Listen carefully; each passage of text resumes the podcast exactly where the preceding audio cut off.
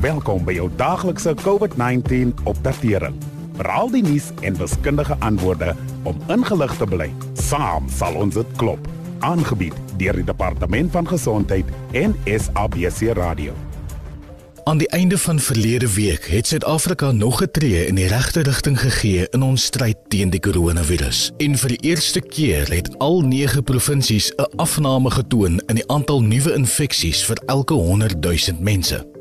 Dan was daar nog goeie nuus van ons minister van gesondheid Dr. Willem Kiese.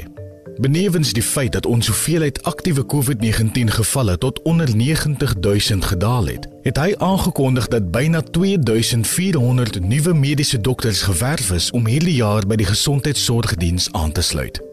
'n Verdere 41 mediese dokters wat oorsee gestudeer het, sal by hulle aansluit, asook meer as 650 gegradueerdes van die Nelson Mandela Fidel Castro Kiba mediese program. Dit sal 'n welkome toevoeging tot die stryd wees in ons poging om ons aantal COVID-19 infeksies tot 0 te laat daal. Om met COVID-19 geïnfekteer te word kan 'n skrikwekkende ervaring wees en kan 'n mens baie geïsoleerd laat voel. Maar nou dat meer as 'n half miljoen mense in Suid-Afrika reeds van die virus herstel het, is die gemeenskap van oorlewendes aan die groei. En daarmee saam kom vars insigte en beter riglyne oor hoe om die siekte te hanteer. Dit kan uiters stresvol wees om die virus te hê. Dit is nie ongewoon dat mense depressief of angstig voel of selfs dat hulle paniekaanvalle kry nie. Ons geestesgesondheid is net so belangrik soos ons fisieke welstand. En om die nodige aandag aan die kwessies te kan gee, is dit belangrik dat ons meer openlik daaroor gesels. Vandag praat ons met ons gas oor hulle persoonlike verhaal. Ons gaan hoor hoe hulle die virus oorleef het, asook wat hul ervarings was en watter raad hulle vir ons het. Soos altyd kan jy gerus na afloop van die insetsel ons Sikaba iCovid-19 Facebook bladsy besoek as jy enige vrae het om aan ons te stel. En vanaand gesels ons met Noel Du Plessis. Hy is 'n 47-jarige korrektiewe dienste beampte van Woester in die Wes-Kaap. Let wel enige melding van medikasie wat deur ons gas gebruik word, is hulle eie ervaring van hoe hulle hul simptome en toestand hanteer het. Ons herinner jou daaraan dat jy die advies moet volg wat jou gesondheidspraktisyn aan jou gegee het. Nou, jy het COVID-19 gehad. Baie dankie dat jy bereid is om jou ervaring met ons te deel.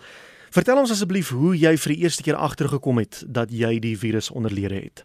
My simptome was maar so sinusitis, en dronk in die kop en ek het toe nou maar my huisdokter geraadpleeg en ons het besluit dat ek maar gaan toets. En 'n dag daarna het my uitslag gekom en ek is positief vir COVID. En niemand in my gesin en familie en vriendekringe het COVID gehad nie. En ek het baie dankbaar niemand aangesteek nie En so het ons toe vir departement van gesondheid genader om my te help met 'n isolasiegeriewe. En ja, ek was by 'n wonderlike plek gewees waar die mense baie goed na my omgesien het. Departement gesondheid het ook elke dag vir ons besoek en daarso het ek aangesterk. Ek het my maaltye gekry. Ek het selfs 'n plek gehad waar ek lekker kan oefen, lekker gestap elke dag en so het ek herstel.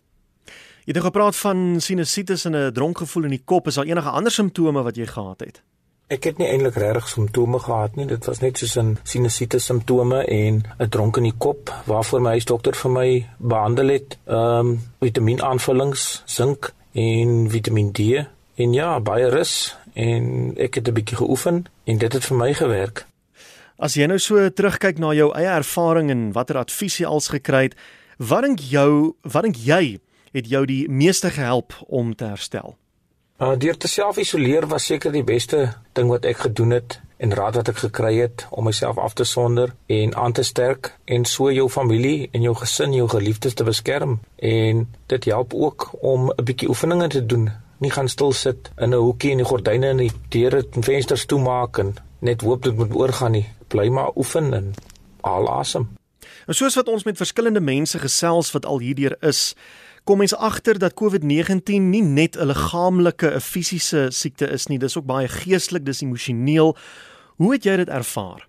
Ek was gelukkig omdat my simptome nie so verskriklik erg was nie. Ehm um, liggaamlik en geestelik is ek redelik sterk en dit het vir my baie gehelp. So my herstelproses was vir my redelik maklik geweest. Nou om jy af te sluit, watter woorde van wysheid of brokkies raad kan jy met ons luisteraars deel wat op die oomblik teen die virus veg of diegene wat dalk selfs nog in die toekoms die virus gaan opdoen?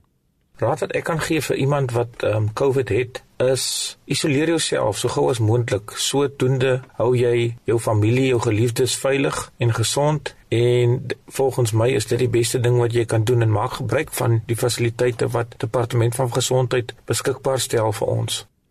Dankie, dit was Noel Du Plessis, 'n uh, korrektiewe dienste beampte van Woester daar in die Wes-Kaap en net so vir die rekord, hy is 47 jaar oud.